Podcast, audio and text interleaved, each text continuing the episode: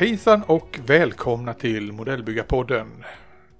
Ja, nu har det blivit mellandagarna och eh, vi sitter här förhoppningsvis alla och eh, bygger så mycket vi kan och bara myser. Mm, ja. Och ja, hejsan Christian. Hejsan Fredrik. Eh, är det så att du sitter hemma och myser nu i mellandagarna? Oh ja, det gör jag. Det är... Skönt. Jag har inte mycket annat att göra höll jag på att säga. Nej, man får vara, men eh, det har ju, det har ju också lite grann med att göra hur mycket stashen har byggts på här nu när tomten har varit och hälsat på också. Fick du, var du snäll i år? Ja, det var, jag följde ditt råd och Mhm. eh, såg till att tomten kom till mig med en, lite några modeller. Det råkade sammanfalla nämligen med att jag fick en liten leverans ifrån den japanska tomten. Ja, perfekt ju. Så det blev lite, lite Bandai, eh, någon Wave-modell och eh, Ja, lite annat sånt där. det är ju alla tider. Så jag gjorde ju som sagt samma också då. Och då fick jag ju en traktor eh, av amerikanskt snitt.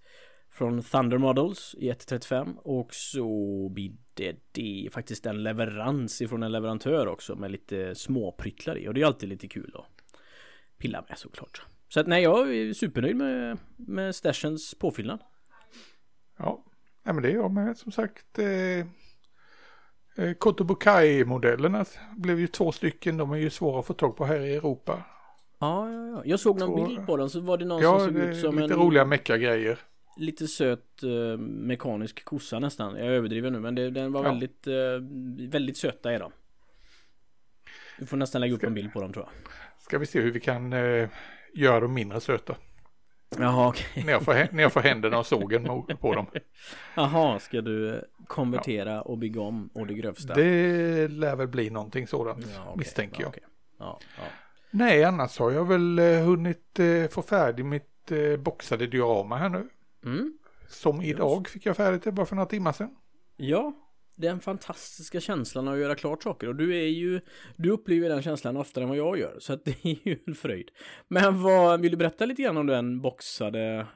Det var ju egentligen en grej som började som ett, ett experiment. Att jag ville ju Mm. testa hur sådana här elektroluminos eh, slangar funkar. Alltså sådana här man själv, eh, vad ska jag säga, lysande slangar som man kan eh, forma lite. Ja, då gjorde jag ju en neonskylt helt enkelt. Det var där det Ja. började. Och, En eh, lysrörsskylt? Ja. Och sen eh, blev det en skylt till och sen började jag liksom tänka in det här i en kontext och sen hade jag en figur i 1-24 liggande och sen växte det hela till ett litet stadslandskap. Mm. Och då passade jag på också för att just testa hur det skulle funka med ljuset och så vidare. Så tänkte jag att okej, då gör jag ett boxat diorama.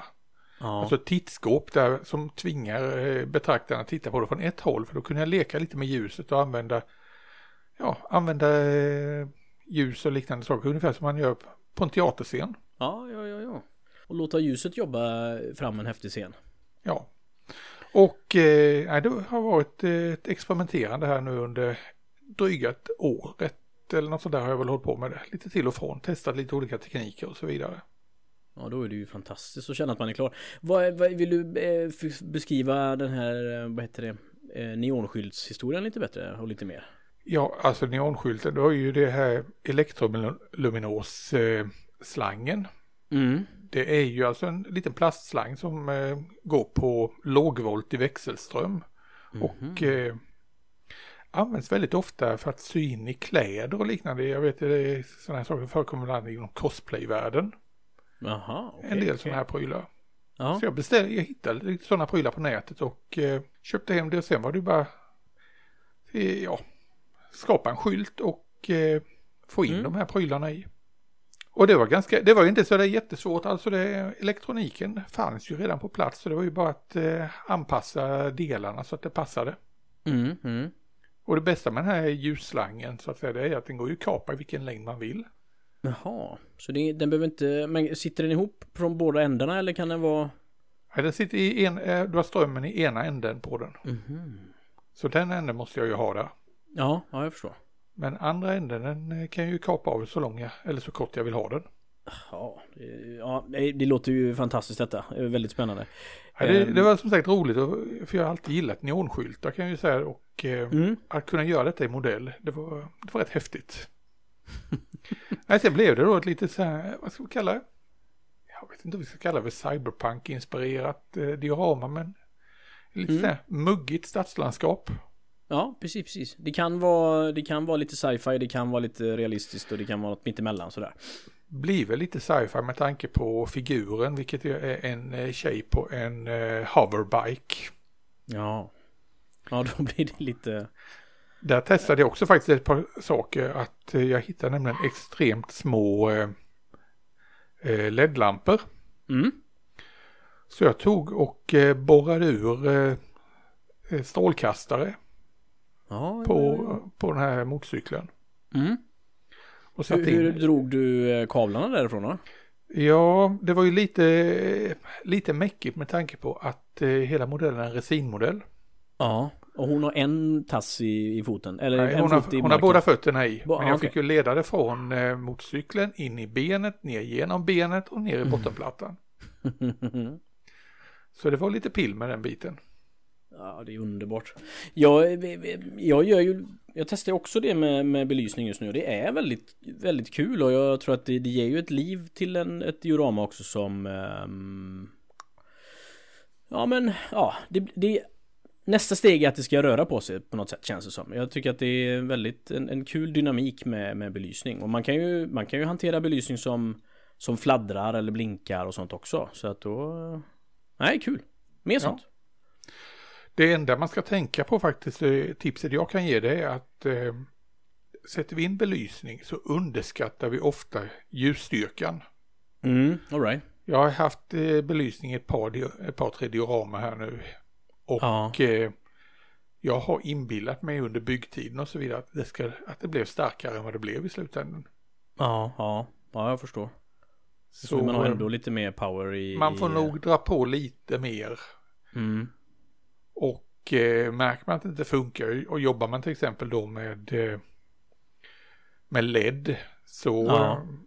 ska man ju montera det hela så att man i efterhand kan se att okej, det här var kanske för starkt.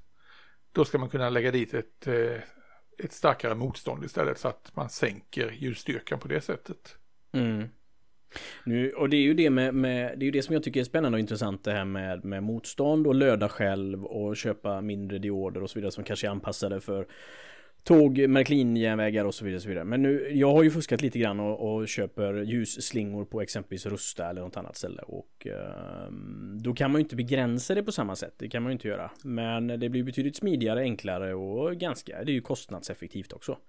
Är det. Eh, Men det blir Absolut. mindre begränsningsmöjligheter. Så att, eh, ja, Ja, du kan, spännande. ja men du, du kan begränsa det också ganska bra. Visst, det- det är enklare så tillvida att du har ju en batteribox och sådana saker redan med från början. Mm, mm. Men eh, det är ju inget som hindrar att du öppnar upp batteriboxen, kollar på hur starkt det är, motståndet och Nej, eh, byter ut det helt enkelt om det skulle vara så. Ja, men man får, jag får fippla lite mer med detta och det får bli en tur till eh, till en mini-elektrokedja eller på så här och köpa ett litet diodset tror jag. Ja, sen ska man ju säga också att det har ju dykt upp alltså de som tillverkar tillbehör då till modellbygge. Mm. De gör, det finns ju att köpa även färdiga sådana här set med lysdiod, inbyggt motstånd och till och med batteri i ja, hela kedjan så att säga. Ja, ja. Green Stuff World har bland annat sådana prylar vet jag. Ja, okej, okej. Och sen vet jag att det släpptes en T90 med Stora 5 eh. De två som ser ut som två röda ögon på till stridsvagnen eh, T90. Så det har också dykt upp ju. Så att man, ja nej men det är kul med Sen tänkte jag nog om lite här med gällande blink. Då tänker jag att då kanske det blir Då är man nästan inne på att det inte är, att det inte är ett rörelsediorama längre. Förstår du vad jag menar? Att då, är det, då, då blinkar det men figurer och andra saker rör inte på sig. Jag tar nog tillbaka det. Att jag inte är så... Jag tycker inte att det ska blinka. Ja, det beror helt på vad det är för grejer. jag tycker inte vi ska vara kategoriska där. Nej okej förlåt förlåt. Nej jag ser också att ditt blinkande diorama i bakgrunden här så jag ska inte... Ja, det var en av de roligare sakerna just eh, med de här eh, små neonskyltarna att den batteripacken som följde med i den kretsen så fanns det ju möjlighet då till ett stillastående ljus eller långsam blinkning eller snabb blinkning. Ja, det är fantastiskt. Så kan det var ju bara att utnyttja den tillgängliga tekniken. Det var ju ingenting Ja. jag behövde ha en massa kunskap om själv knappt. Nej, nej, nej, nej. Utan, Nej, jag har sett en film på ditt dio det passar utmärkt med blinkande neonrör. Det är sjukt läckert. Men eh, frågan är om, om vi lägger ut bild på det eller om du vill att det ska vara hemligt ett tag till. Vi får se. ja, jag tänkte att eh, som imorgon, det blir samma dag förresten som vi publicerar det här, då tänkte jag väl att jag skulle sätta mig ner och fotografera. Mm. Kul. Sen lär det väl dyka upp någonting i modellbyggargruppen bland annat på fejan. Ja. Men eh, du har satt igång med en båt, Ja, en undervattensbåt. en sån man har under vatten som tål vatten. Ja, det är otroligt faktiskt. Eh, Ska du måla den gul? Ja, något kul får man göra. Nej, men jag, det är ju faktiskt en Hobbybas 1-700, en eh, i Typhoon-klassen, en rysk ubåt. Och den är naturligtvis jättelätt att bygga. Så att det var väl därför jag tog det steget. Ett litet instegsmodell här. eh, Kan man Det är inte så säga. många delar på den. Det är inte så många delar. Så att det gick nog att räkna delarna på två händer tror jag. Eh, och den är, vad är den? Kanske, ja, den är ju ganska lång för att maskinen i sig är ju stor. Men i 1-700 så är den inte så stor. Så att den är väl en 15, 16, 17 cm lång. Men du har ju Så- världens eh, möjligheter för vädring där i alla fall. Med tanke Ja, jag- på eh, vad man har sett. Hur, halvdassigt underhåll på ryska ubåtar i slutet av kalla kriget. Ja men det var precis det jag tänkte för när jag såg den här först så tänkte jag, ha den är väl tråkigt svartmatt då för jag tänker att det är väl någon sån här absorberande gummimatte på den och så vidare och så vidare. Men jag ser nu på bilder att de, de som du säger, de är ju fruktansvärt dåligt underhållna. Och eh, slitna i fronten och det är olika färg på panelerna på grund av att man kanske har bytt ut då på sig. Och det är ju en häftig effekt i och för sig. Men, nej, så att det finns verkligen utrymme för, för vädring där kände jag. Det var ju kul. I 1 till 700 då, så skalan är ju inte majestätisk. Men... Och den ska du lägga i ett diorama har jag förstått också. Ja, och så gör då, lägger jag den i en torrdocka med lite vatten utanför tänker jag och så någon eh, nu, fick, nu hade jag berättat för dig att jag hade köpt en kran, en fotoetskran och så jag förstår väl inte hur litet det är riktigt än förrän jag får den i handen men det märker vi. Men då sa du att det även finns fordon i, i ets i 1700. Japp. Så Och figur, och figurer givetvis. Och figurer såklart. Och figurerna är ju, de är ju så löjligt små. Så att, eh, jag, ja. Jag kan inte ens jämföra med något. Jag kan sätta, nej ett riskorn är ju dubbelt så stort typ. Så att, Ja. eh, ja. Och du, du behöver inte måla ögonvitorna på dem. Nej men det, ska, det är faktiskt lite kul att bryta av med någonting som är dels är lätt och smidigt och eh, är utanför min comfort zone fullständigt. Ehm, så det är kul. Ja men det är roligt, det är roligt att liksom eh, testa nya saker, liksom hamna utanför comfortzonen. Ja, Det ger väldigt mycket tycker jag.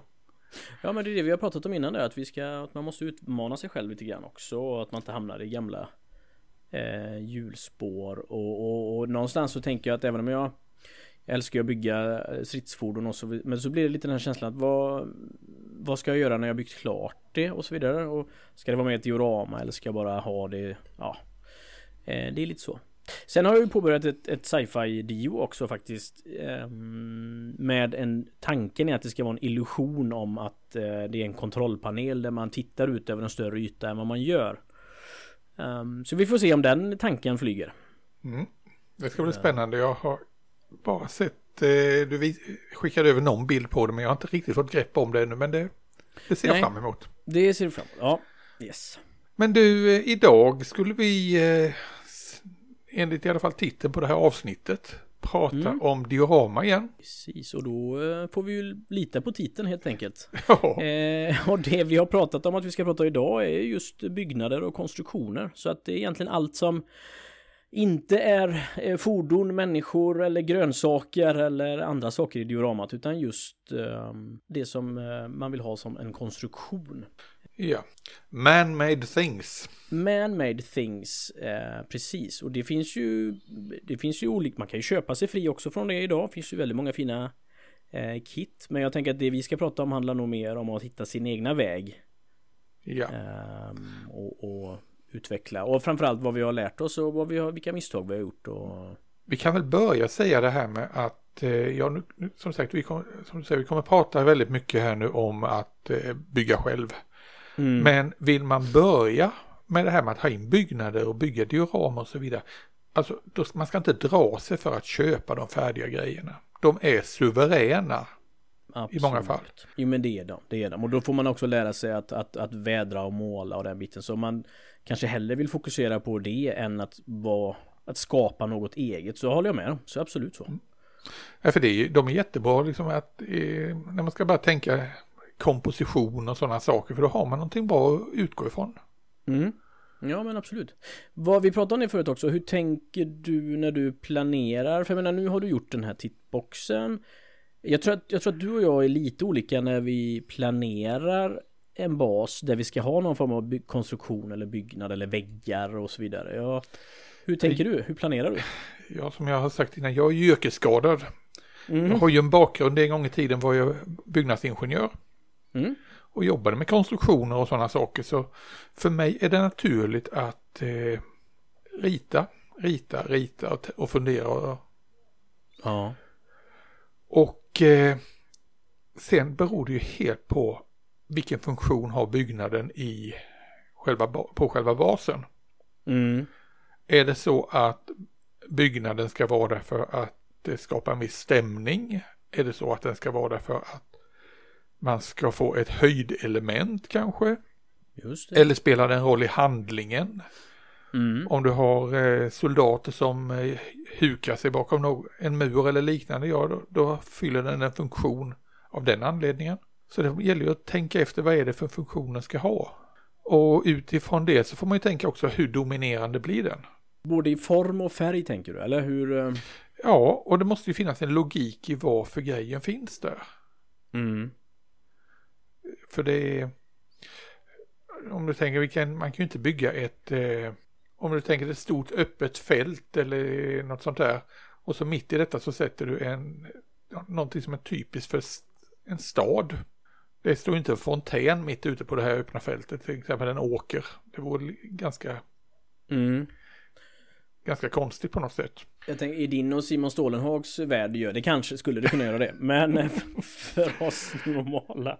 Men du då? Jo men jag skulle nog säga bara att jag tycker för att du när du gjorde ett inomhusdiorama eh, jag ser det framför mig på min näthinna så gjorde du en trappa ner så du tänkte mycket på höjd eh, och det, tyck, det, det är ett annat element också sen naturligtvis när man planerar ett bygge, bygge tycker jag.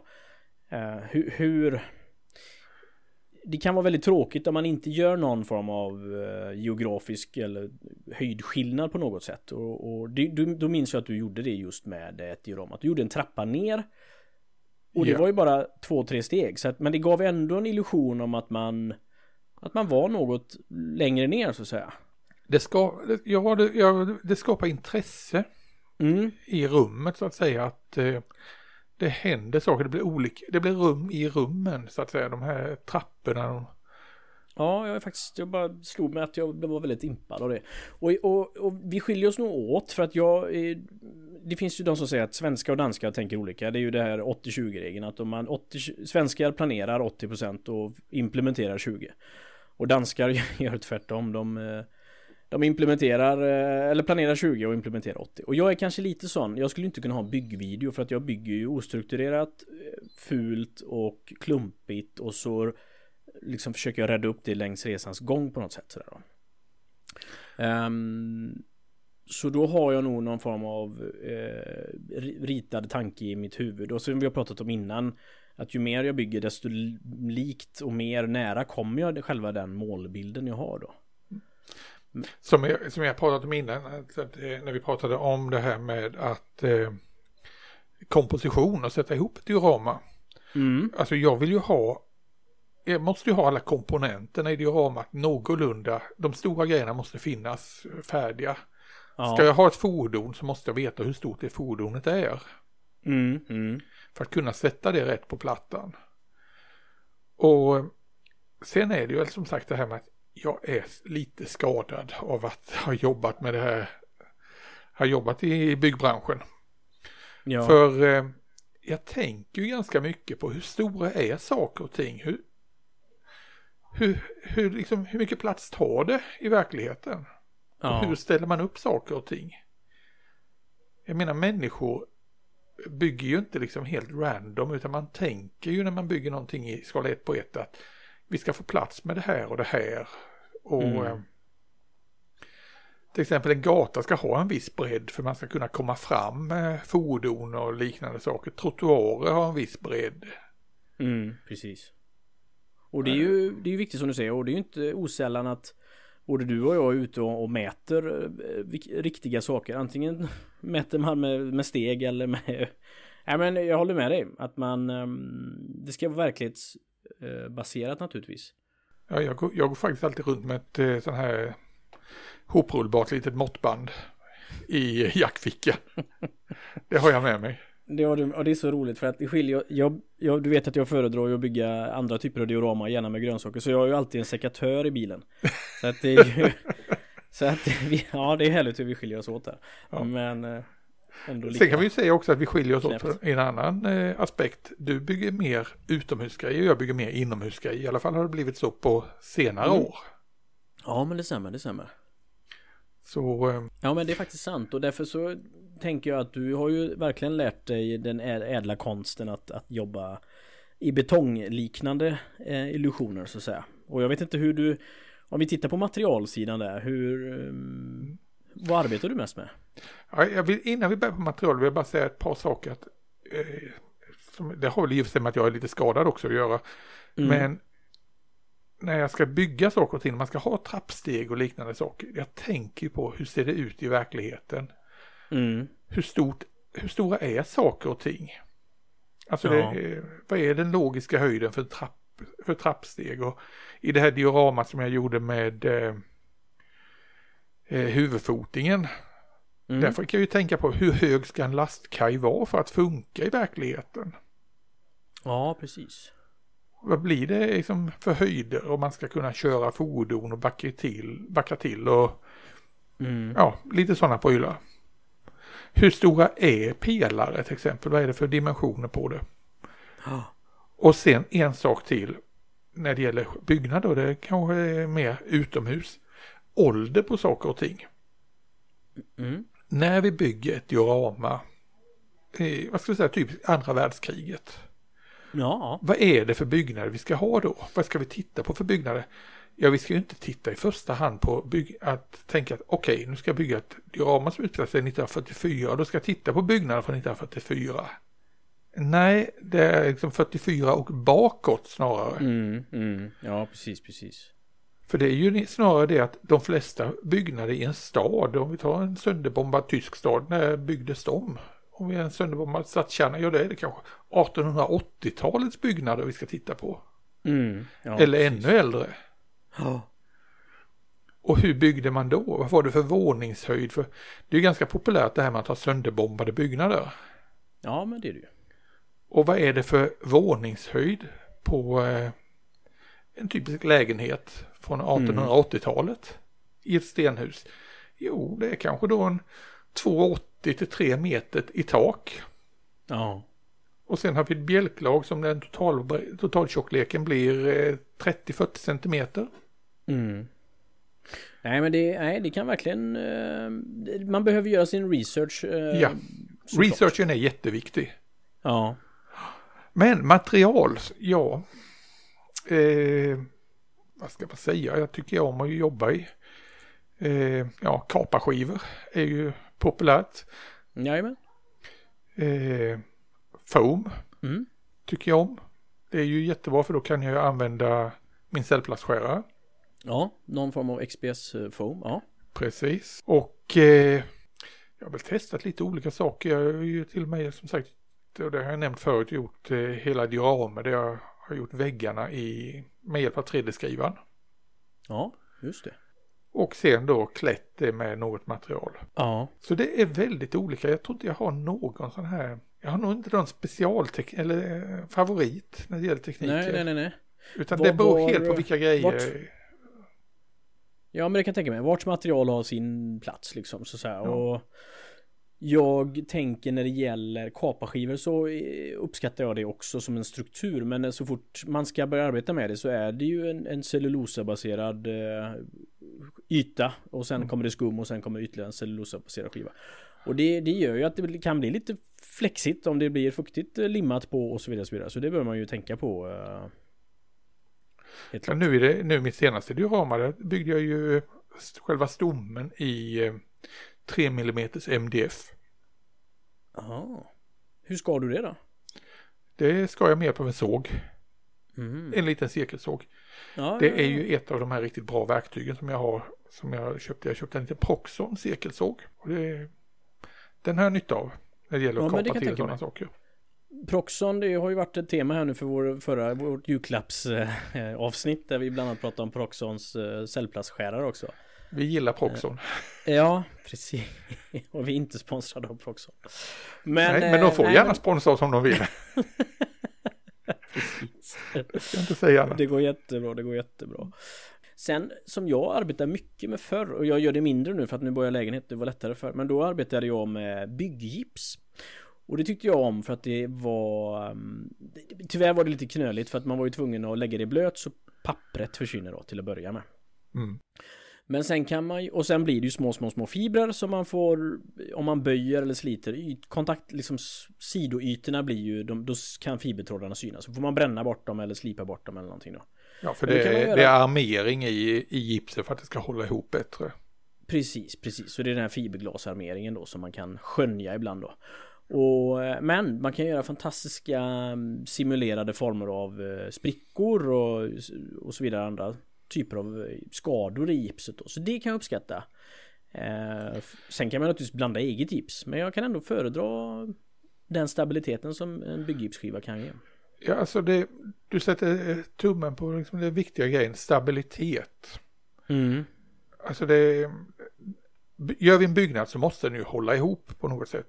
Det måste mm. vara, det måste kunna liksom tåla sin egen vikt och den ska inte falla sönder. Den ska liksom inte blåsa omkull. Och sen är det också viktigt, vad ska jag ha för andra material ovanpå? Mm. Det ska ju inte reagera med det. Jag kommer ihåg sådana gamla misstag som man gjorde att man eh, hade material som rörde sig olika mycket. Ja, ja, Till exempel det här med att lägga gips ovanpå ett eh, kartong exempelvis. Ja, ja. Kommer ihåg de gamla byggnader jag gjorde. Jag fick tag, byggde en jättefin stomme i eh, ganska tjock kartong då. All right. Och till och med vid något tillfälle i cellplast. För det, nej, förlåt, inte cellplast, utan wellpapp. Mm, mm, okay. Och det var ju stabilt och bra. Sen på med gips eller någonting för att man skulle göra en putsad yta. Ja. Det blev inte så jättebra för det rörde sig lite olika. Och då fick man eh, sprick, fel sorts sprickor. Det böjde sig och reagerade. Just det här med att pappret reagerade ju väldigt mycket då med eh, när det blev blött det blir blött och sen så först sväller det och sen krymper det och drar ihop och då blir det som du säger sänkor och ofrivilliga sprickor och det vill vi ju inte ha. Och man kan ju alltid efterarbeta med spackel och grejer och sånt där men det är ju Det ska ju vara lätt och smidigt och roligt detta. Ja, ännu värre är om det sväller materialet så ja. att det helt plötsligt inte passar längre. Nej, det är sant faktiskt. För det kan man säga, det är också en sak som, vi, som jag har lärt mig här med åren, är att när jag bygger någonting ska mm. göra en byggnad eller en interiör. Jag får plan, redan i planeringsstadiet tänka på hur stora bitar ska jag liksom bygga var en för sig. Mm. Vad är det jag ska bygga, liksom bygga ihop alla väggar och sen försöka eh, klä dem med någonting eller ska jag bygga vägg för vägg? Ja, men där är vi nog väldigt lika för det, så tänker jag också att hur ska jag arbeta med det här som du säger om det är just nu det här dioramat jag pratade om innan som ska ge en illusion om att man tittar ut över en större yta. Då är då kommer det vara eh, ja, konkavt eller konvext utifrån vilket håll man tittar på den. Men den kommer vara en böj i alla fall och då, de, då har inte jag satt ihop de två delarna för att man ska kunna jobba med det sen så och då får man också vara vaksam på att de ska matcha ihop sen också som du säger storleksmässigt och, och design och funktionellt och det ska inte se konstigt ut och så vidare och så vidare. Och, och det är likadant med målning och vädring också att man gör det är ju, det är ju ganska halvklassiker också. Det kan ju synas på stridsvagnsmålning och vädring. Att du målar, vädrar tornet på ett sätt och sen så tar du chassit Och så har du nästan glömt av receptet för den ena och den andra och så ser det olika ut. Eh, och det är ju viktigt också ett diorama att man får ett sammanhang naturligtvis. Ett sammanhang Ja. Samtidigt så ska man ju tänka på det, en byggnad då som kanske är 80 år gammal, Mm. där ser det väldigt olika ut för man bättrar på eh, lite här och lite där. Mm. Det är inte liksom jämnslitet på, på en kåk. Man kan ha bytt ut en dörr, du kan ha eh, behövt eh, fixa till någon spricka i väggen och så vidare. Får man för sig att måla om en fasad, ja då kanske man inte gör någonting åt eh, fönster och dörrar. Nej, precis. Nej, och jag känner att, att det ger ju också naturligtvis ett, ett större intresse till, till dioramat. Det gör det ju att, att det inte är uniformt. Och det är väl en, en klassisk eh, sak som vi strävar efter i alla typer av, av situationer när vi bygger modeller. Att det inte ska vara eh, en och samma färg, en och samma form, en och samma slitage liksom. Nej, men det är bara att gå ut i verkligheten och titta hur det ser ut. Mm. Ibland är verkligheten bara så... Det är det som är lite roligt. Ibland ser man saker som man tänker så här, shit det här kan jag inte göra modell av. För det är ingen som skulle tro att det är så på riktigt. Det ser, det Nej. ser för orealistiskt ut. Ja, men det är ju så, verkligheten eh, överträffar dikten i många fall. Ja, faktiskt. Men det det. eh, sen har vi också det här att tänka att det vi tittar på runt om oss, när du och jag är ute och åker, vi, kan, vi har ju svårt att förstå hur en tysk stad såg ut på 1930-40-talet.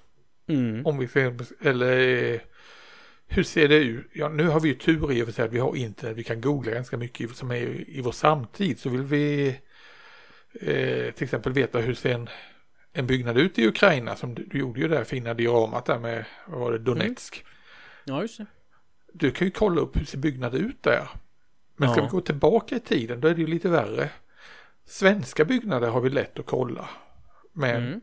Att veta hur man byggde i Tyskland till exempel för hundra år sedan. Det är knepigare.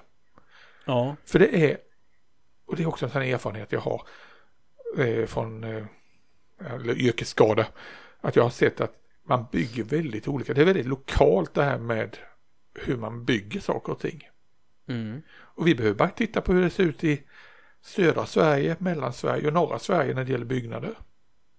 Ja, det är ju en stor Vi har skillnad. olika standard på tegel, vi har olika sätt att tänka. Ja. Kommer du ner i Skåne till exempel så har vi det här med eh, husgavlar där taket inte sticker ut. Men det hittar du inte, i nor- det hittar du inte upp i norra Sverige. Det är ingen jäkel som skulle få för sig att, Nej, att bygga på det sättet har, där. Ibland tror man att man har hamnat i Danmark faktiskt genom vissa skånska byar. Det känns väldigt... Ja, eh, men det är ju därifrån influenserna kommer. Mm. Materialval, samma sak. Och brist på eller tillgång till trä och, och så vidare, så vidare gör ju också hur man bygger och inte bygger i vissa delar av landet. Och, så att nej Mm. men det är... Det, eh, det är ju som du säger, nu bygger jag ju också ett italienskt diorama eh, med en panter. Och då kan man ju snacka att då är byggnaderna kanske från 14... Ja det är i Rom då, förlåt, i Rom är det. Och då kan ju byggnaderna vara från 1400-talet helt plötsligt. Och hur gör man? Ja, då, måste du, då måste du ha lite research för att veta hur man byggde en kåk då. Det måste man ha och så kanske de har renoverat det vart hundrade år i eh, fem gånger liksom sådär och Ja, precis. Ja. För tittar du på byggnaden idag om du använder Google Street Views eller liknande och tänker, ja men här har jag en Mm. bra förebild. mm, Ja, men det är hur kåken ser ut idag. Ja, Man, slår upp för, man slår upp nya fönster och dörrar och saker och ting förändras. verkligen, verkligen. Det görs Och en person för allt. 200 år sedan skulle inte känna igen kåken. Nej, förmodligen inte nej. Nej, nej. Utan Men du, det, jag tänker på um, XPS-form där, det är ju i min, vad ska jag säga, jag höll på att säga, min genre som jag arbetar mer med, med utsides, så är det ju väldigt populärt att göra tegel och Känner du att det är ett, ett bra sätt att arbeta med XPS-form och göra objekt i det? Eller liksom jobba jag har inte formen? riktigt kommit in i det. Eh, jag vill ju gärna lära mig det. Och Mm. jag har väl varit lite grann och testat där men jag använder hellre lite andra material. Jag har ju fastnat för det här med kork till exempel. Jag tycker det är ett utmärkt Mm. material. Ja. Särskilt om vi pratar om det här med tegel till exempel. Ja. Och jag visst, det är vansinne på en hög nivå att sitta där och skära ut tegelsten för tegelsten och sen limma fast det på en, en skiva. Mm. Det är det. Men det Ja. blir jäkligt realistiskt. Ja, och det är väl vad jag har fastnat för. Mm. Men eh, sen som sagt, jag, det har man ju sett fantastiska byggen när man eh, som sagt skulpterar mer eller mindre i foamen och skapar eh, silhuett. Och ja, så småningom, jag ska väl försöka lära mig det men eh, Mm. jag gillar det här med att eh, kunna lägga på, jobba i lager efter lager efter lager. Ja. Det är väl, min, det är väl mitt sätt att göra. Och där har vi en annan sån här sak också, så jag är lite skadad. Tegelförband. Jag har väl nämnt det innan misstänker jag. ja, det har du gjort. Dels Ja. för att jag har jobbat lite med tegel så har du förklarat. eh, Ja, Ja. nej men det här med, och det är ju det största, det är det säga, största felet jag ser om vi tar Mm. kommersiellt tillverkade byggnader som man kan köpa. Att alldeles för ofta så är det bara ett löpande förband som det kallas, det vill säga man sätter teg, tegelstenarna på med en halv stens förskjutning mm. på varje lager. Ja. Problemet med det är att ja, vi ser det ganska ofta när vi går runt här i och tittar på ja, ganska moderna kåkar. Mm. Men då måste vi komma ihåg att det är bara fasadtegel, det bär inte. Nej. Går tillbaka hundra år i tiden så gjorde man bärande konstruktioner och då måste man förbinda, det måste vara tjockare. Det går inte bara att ha en halv stens tegel Nej. utan då eh, jobbar vi med en sten eller två stenar, en och en halv sten. Mm. Och då har vi det här med murförband. Att man lägger med stenar på tvärsen bara för att binda ihop de olika lagren. För att få mu- muren att hålla helt enkelt. Ja, precis. Och det kan man ju se en, som en snygg design också blir det ju. Eh, Det blir vissa- jättesnyggt. Ja, precis. Och- Men det är, ganska, har- det är ganska viktigt just när man till exempel gör ruiner och liknande saker. Där man Mm. då ska eh, ha till exempel sönderskjuten eller söndersprängd vägg. Ja, hur tjock är väggen egentligen? Den kanske ska vara en och en halv sten tjock. Och det gäller att tänka på den biten. Men det, det tycker jag är intressant att du tar upp, för jag tycker nu, eh, jag vet inte det svenska ordet, debris, vad säger man? Ehm, Skräp. Bröte. Skräp och bröte. Det, är- det är generellt sett alldeles för lite skräp och bröte på ett diorama när det är i en stad. Eh, om, eller någon annan situation där det har varit slagsmål med bomber så att säga. Ehm, Ja, har man, bara, Då- har man sett ett bygge eller en, rivning, eh, en rivning av en fastighet, då vet man hur mycket, det, hur mycket skit det blir. Det blir förbannat mycket skit. Så det tycker jag är en sån här halv orealistisk sak när man ser trasiga tegelkåkar och så är det ingenting. Eller ibland bara några stenar nedanför och så vidare. Eh, och det kan, kan vara gammalt och lokalinvånarna kan varit duktiga på att städa upp det och så vidare. Och så vidare. Men eh, ja, skräpa ner mer tycker jag. Ja, alltså bygg upp en stor hög under och sen lägg ja, tegel och krossmaterial ovanpå. Mm. Och där har vi också så här bra material att använda. Det är ju alltså, jag har använt riktigt tegel. Mm. Ja, det har faktiskt jag med. Jag tycker också det. Hitta, hitta ett par eh, gammal tegelsten och sen eh, gå loss på den med en rejäl hammare. Mm. Och så samlar man upp det minsta och pytteligaste och så Nej men det är sant det blir, och, och det blir ett väldigt bra damm också eh, Utav Ja. det Sen det här med att skulptera och så vidare. Jag tycker väldigt mycket om, eh, om vi går ner på marknivå, mm. att jobba i Sculpey. Ja ja ja, Det ja. heter väl Sculpey, i alla fall med Sculpty kanske det heter. Det är alltså en eh, lera som eh, man bakar sen i ugnen Mm. på en 130 grader. Så härdar den. ja. Och det gör ju att man får ju väldigt eh, lång arbetstid med den. Du kan ju jobba med den hur mycket som helst ända till du tar och härdar den. Ja precis det är, ju- Jag tänker ju lite på cernitlera också Det är ju Mm. lite stabbigare och lite hårdare men eh, Ja, men den här Supersculptin, särskilt den grå varianten, den har en väldigt bra textur och blir Mm, väldigt okej. hård och sen går den att såga och, så, och slipa sen efteråt. Ja okej Och den funkar jättebra ihop med sådana här eh, texture rollers som har blivit populära. Ja Ja det har de faktiskt blivit och det är ju en snabb och bra hjälp till att få ett jämnt fint eh, form på liksom en väg ja, eller på en ja alltså det att fixa gatsten och sånt med en sån här texture roller är ju fantastiskt alltså. Håller med fullständigt. Och det man bör tänka på när man håller på med lera det är ju att eh, någon form av vinylhandske är bra annars så får man fingeravtryck på det om man inte Ja. jobbar. På olika sätt. Men ja. Nej men det är, det är faktiskt fascinerande. Jag tänker på dassleran är ju också problem. Men då är den ju lufttorkande. Men det är inte du så... Jo, men den har jag använt också. Den Mm. har jag använt till putsade väggar och liknande saker. Ja. Så det, den har förekommit i många lägen. Ja men vad bra. Nakt nackdelen med den är ju som sagt att den är lufttorkande. Så varje gång man öppnar en helt ny och så använder man en liten klutt. Och så nästa gång man ska använda den så... Du bygger Ja, alltså för få dioramer. Jag bygger för få lerdioramer. Jag får ja. börja göra någon kru äh, kruka av dem kanske. Någon, eh, ja. Göra större saker. Nej men det, det är ett bra material är det faktiskt att eh, jobba i. Det. Men ja. det, är, det är ju som sagt att som sagt, i och med att den tork, lufttorkar så har du en viss tid att jobba med det. Mm. Ja det är faktiskt sant. Du, jag tänker på eh, en annan sak. Hur gör du när du gör staket och eh, nät? staket och så vidare, så vidare. Nu jobbar ju vi generellt sett i olika skalor du och jag. Du jobbar ju mm. oftast i ett eh, 20 och ibland 1-24 och jag eh, mindre skala. Ja, Gunnebo stängsel har jag fortfarande. Det är fortfarande en sak jag måste klura ut. Det har jag inte löst än. Men vi kan ju säga att gallerdurk till exempel. Det, är ja. ju, det har jag ju en favorit och det är ju det här all, eh, dragna aluminiumnätet som eh, Plastic Padding säljer. Som du har som ja, ja, armering när du ska renovera karosser. Ja, jag förstår. Yes. Det är jättebra, det passar i ja, 1-20, 1-24, väldigt bra. Mm. Okej, okej. Och eh, nej, det gäller ju att hitta något bra nät, alltså eh, metallnät av olika slag. Jag fick faktiskt tag på ett fint kopparnät som var flätat i rätt skala och då det är ju Då blir det ju lite Gunnebo-variant för att när du väl börjar klippa kanterna så trillar ju Trillar de ju av så att säga. Så Ja. att man får Man får och sen vill man ju gärna ha den på skrå så att då får den ju Då får man klippa den em- emot alla så du, får, du kan inte följa någon rak linje så det är väldigt svårarbetat men resultatet blir bra. Jag har använt så, det här nätet som finns till exempel de här elektriska flugsmällarna. Ja, ja, ja, ja. Är de så tajta eller så? Nej, men det, det finns användningsområden för det.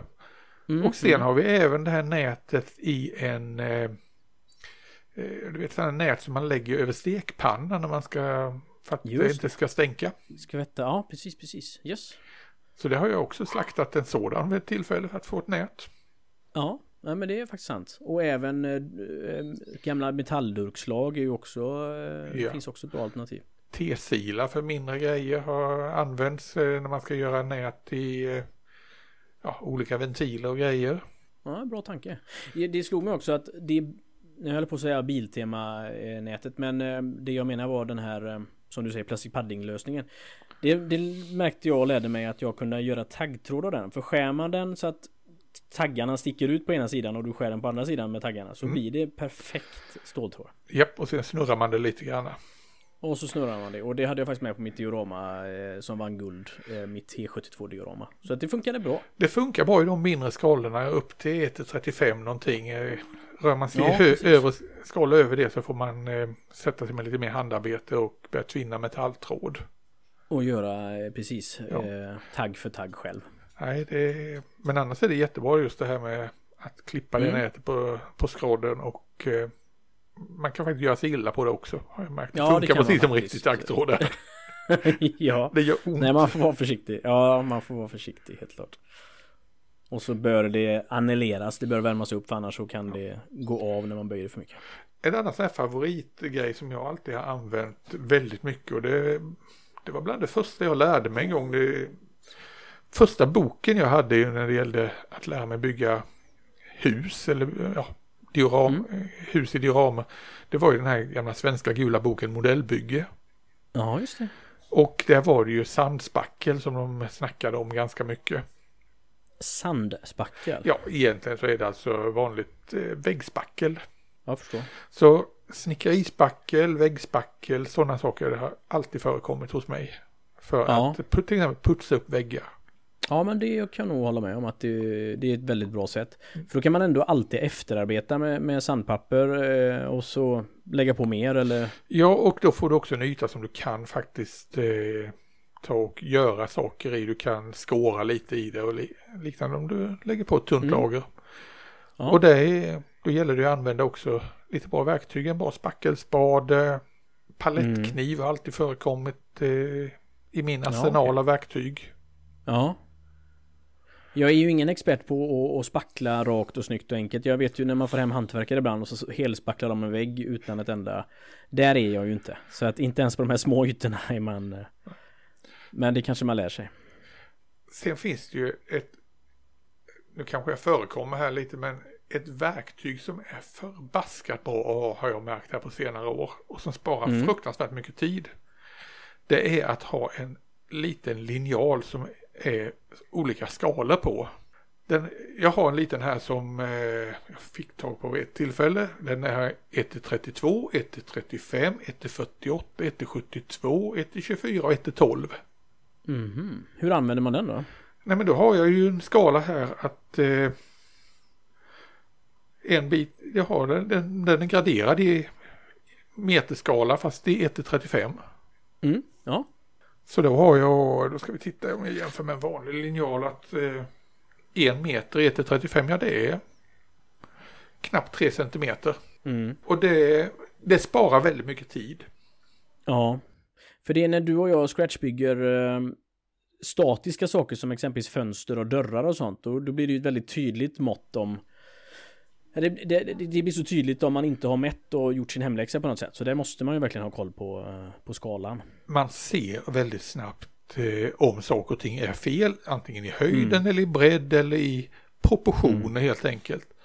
För det är ju någonting som folk i alla tider i, på riktiga byggnader, man har jobbat med vad ska vi säga, estetiska grundkomponenter som det gyllene snittet och liknande saker. Man vet att Mm.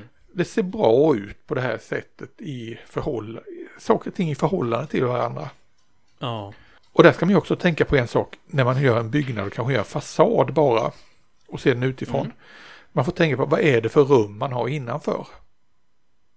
Så att man Ja, sätter fönster och dörrar på ett logiskt sätt. Ja, precis.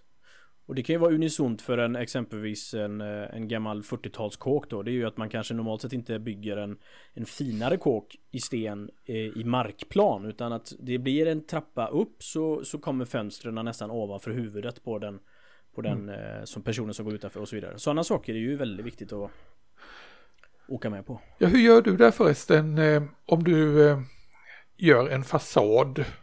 Hur mycket bygger du bakåt sen då? Bygger du inåt i rummet? Då, eh, jag gjorde ju en, eh, en byggnad här nu som faktiskt ligger ute på min eh, Insta-sida. Eh, och, och då byggde jag ju så att man kunde se in eh, vilket blommor som fanns på blomsterbrädan eh, på insidan. Sen utöver det tycker jag inte att man ska behöva se så mycket längre för att då då kan jag nog tycka att ett tittskåp är kanske mer aktuellt att man ska Men saker som, saker som står i fönsterbänken och gardiner, det har du med. Ja Ja men det har jag med. Så säg att det är en 20 cm in då. 20-30 cm in. Vad, vad sätter du bakom det då? Då gör jag en liten svart box och så eh, så att det blir mörkt där innanför. Men att man ändå inte att det inte blir svart på rutan som du förstår menar utan Mm. att det blir ehm, Du får förlita dig lite på att glaset reflekterar en del av ljuset och så vidare. eh, precis. Så kan man förnimma oftast då blomman eller flaskorna eller ljusstaken eller vad det var. Så ja, hur gör du då? Nej, alltså jag tänker väl ungefär likadant faktiskt. Mm. Att eh, man får bygga en liten box bakom. Ja. Sen har jag ju kunnat en hel del på det här med, med fönster och liknande prylar. Eh, glas och hur man bygger upp fönstren. Mm. Och jag höll på att säga, det är en hel historia i sig. Jag eh, använder gärna balsaträ. Eller lind. Lind är eh, ju tätare trä. Men det är också Mm. lite svårare att jobba med. Man får Ja. såga lite mer men eh, och det är ju inte lika lätt att liksom göra slitage på skador. Om du till exempel ska ha ett ja, halvt fönster, ett söndersprängt fönster. Där man ser att spröjsen har gått åt skogen. Då, då ska du nog använda balsaträ och inte lind.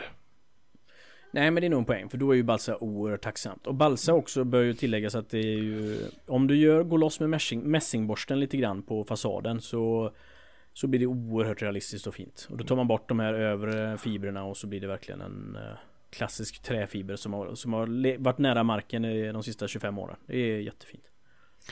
Ja och sen då har jag när det gäller glas och eh, trasiga byggnader så har jag testat eh, en sak som jag såg för länge sedan och jag, Mm. jag misstänker det har väl förekommit lite överallt.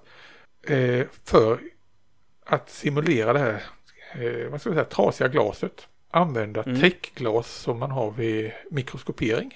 Ja, Mikroskopglas. just det. tunna, precis. tunna glaset. Ja. Fast det är ju livsfarligt att jobba med för man skär ju sig.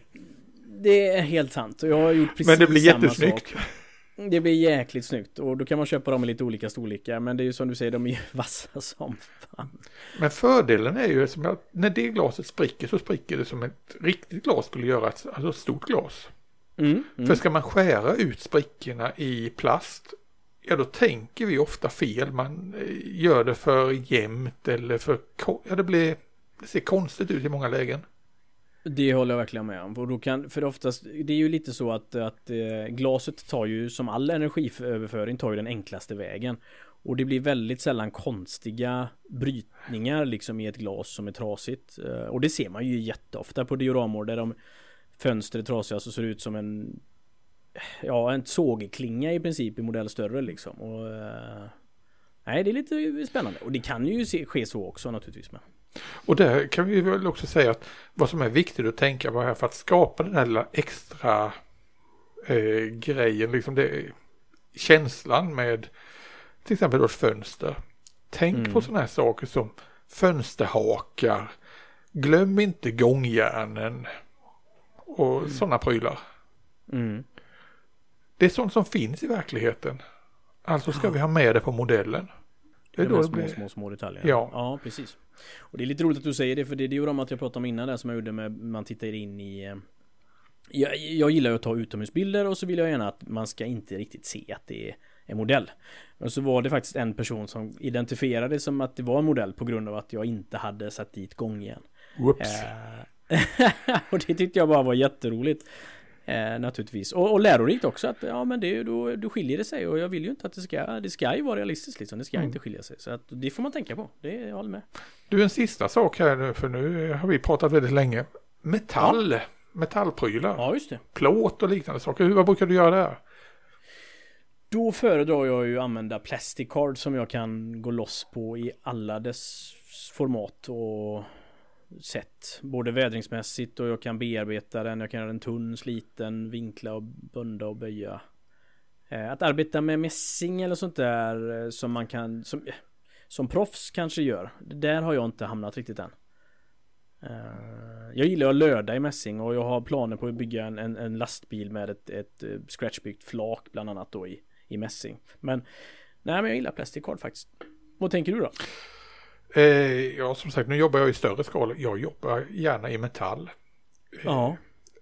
Vi kan säga det att tomatpurétuber, tomma tomatpurétuber, det är hårdvaluta i det här huset. Ja, ja det inte. Det får man inte slänga här utan det ska, de klipper jag upp och eh, återanvänder. Det är Ja. liksom perfekt plåt, lagom böjlig och så vidare. Även eh, aluminiumformar, sådana här typ man får hämtmat i och liknande. Ja, Bottnarna just det, till det är jättebra om jag skulle göra till exempel ja, korrigerad plåt eller liknande grejer. Ja. Vad, vad är, det här tomatpuré-historien lockade mig lite. Vad är det? För man vill ju ha den här lite blykänslan, att det ska vara följsamt, tungt och där, Ja. därför, då tycker jag ju att aluminium går bort lite grann för att den har ju inte den. Eh, Men i tomatpurétuben är de mer åt blyhållet så eller? De är mer eh, ja, lättarbetade. Sen finns det ju faktiskt att köpa eh, metall, sån här, eh, vad ska jag säga, pewter, mjuk metall i Mm. eh, ja, tunna, tunna skivor liksom, som man kan jobba med. Om du till exempel ska göra en fana eller liknande grejer. Precis, det var ett bra exempel. För fanor är ju exceptionellt bra att göra i, i någon form av metall. Bly eller vad som helst. Det är jättebra snyggt. Men om du kommer ihåg så gjorde jag ju den här lilla sovjetiska pionjärsvävaren Ja, med en stor Precis. flagga. Ja. Den gjorde jag med tomatpurétuben. Mhm. Det Nu var blir jag ju väldigt sugen på att köpa tomatpuré här. Så ja, ja men det var ju kul för den ser ju väldigt, eh, väl, ja, den har ju verkligen så här fina krusningar liksom och Ja, men det, fördelen är att metallen är följsam, den är lättarbetad, Mm. men den behåller, den liksom eh, saggar inte, den viker till den på ett Nej. sätt så behåller den formen. Den är samtidigt tillräckligt eh, mjuk så att jag kan bearbeta med en vanlig sax. Jag behöver inte Ja, ja, ja. specialverktyg för att klippa den. Nej. Nej, det är väldigt fiffigt. Eh, För inte så länge sedan så köpte jag faktiskt eh, blysänke på ihoprullat, vad heter det? På, ja. Då är den ungefär två centimeter eh, hög och så kanske 25-30 centimeter lång. Och hyfsat tunn. Eh, ja, nej, så det finns olika eh, ställen att hitta bra alternativ. Och det, det använder jag till exempel att skriva Israels eh, identifikationsflagga eller fana som de har på sina vagnar på sidorna där. Då blir det också en rätt re, eh, reasonable sätt. Nej, alltså vi hittar väldigt mycket material runt om oss. Ja, Det kan man ju lugnt säga. Och jag tror vi kommer återkomma till det här ganska många gånger framöver med olika materialval och liknande. mm. Det tror jag med och nu har vi pratat på och pratat på och pratat på så vad ska vi försöka sammanfatta det vi har kommit fram till? Ja, vad är sammanfattningen? Tänk, tänk igenom bygget noga. Ja, precis. Planera och tänk igenom. Eh, Gör research. Kanske göra en Gör researchen och gör en kanske någon mall och testa och så vidare. Och jag har sagt innan och säger det igen att arbeta eh, Arbeta med döda material om du ska limma, fukta, måla eller någonting eh, som ska vara rakt sen. För annars så blir det inte rakt. Ja, nej. Nej, det är vi, så. Målning och sånt återkommer vi väl till framöver misstänker jag. För det, Ja, dit ja, kom vi precis. inte ens nu. Nej, det är ju ett, ett kapitel för sig naturligtvis. Just vädring av byggnader och strukturer. Eh, hur man vill att det ska se ut. Ja, sen kan jag ju säga att många av de här prylarna som säljs, alltså eh, olika ja, texturpastor och liknande saker, det är jättebra grejer faktiskt. Mm, mm. Så eh, ja, utnyttja det som finns. Ja, precis. Som Köp du brukar säga, vi befinner oss i guldåldern. Ja, bara utnyttja det. Ja. Helt klart. Ja, nej men eh, spä- väldigt spännande eh, att prata med dig. Eh, Detsamma. du har lärt mig som vanligt mycket och det är alltid kul och eh, Ja, du har lärt mig mycket också för den delen. Och jag Ja, hoppas att vi har lyckats förmedla vår kunskap till våra lyssnare också. Att de får några, några ha-upplevelser. det hoppas vi. Och vi lägger nog ut lite bilder på Insta också om det vi har pratat om här. Så att man kan få ett litet upp, en uppfattning om vad vi har gjort och inte. Men Fint. då får vi väl säga så och eh, med tanke på när vi släpper det här så får jag väl säga gott nytt år också. Det får vi säga. Gott nytt år på er så eh, när ni har lyssnat på det här så säger vi att vi hörs nästa år. Det gör vi. Ja, Ha fint, det fint. gott. hej. hej.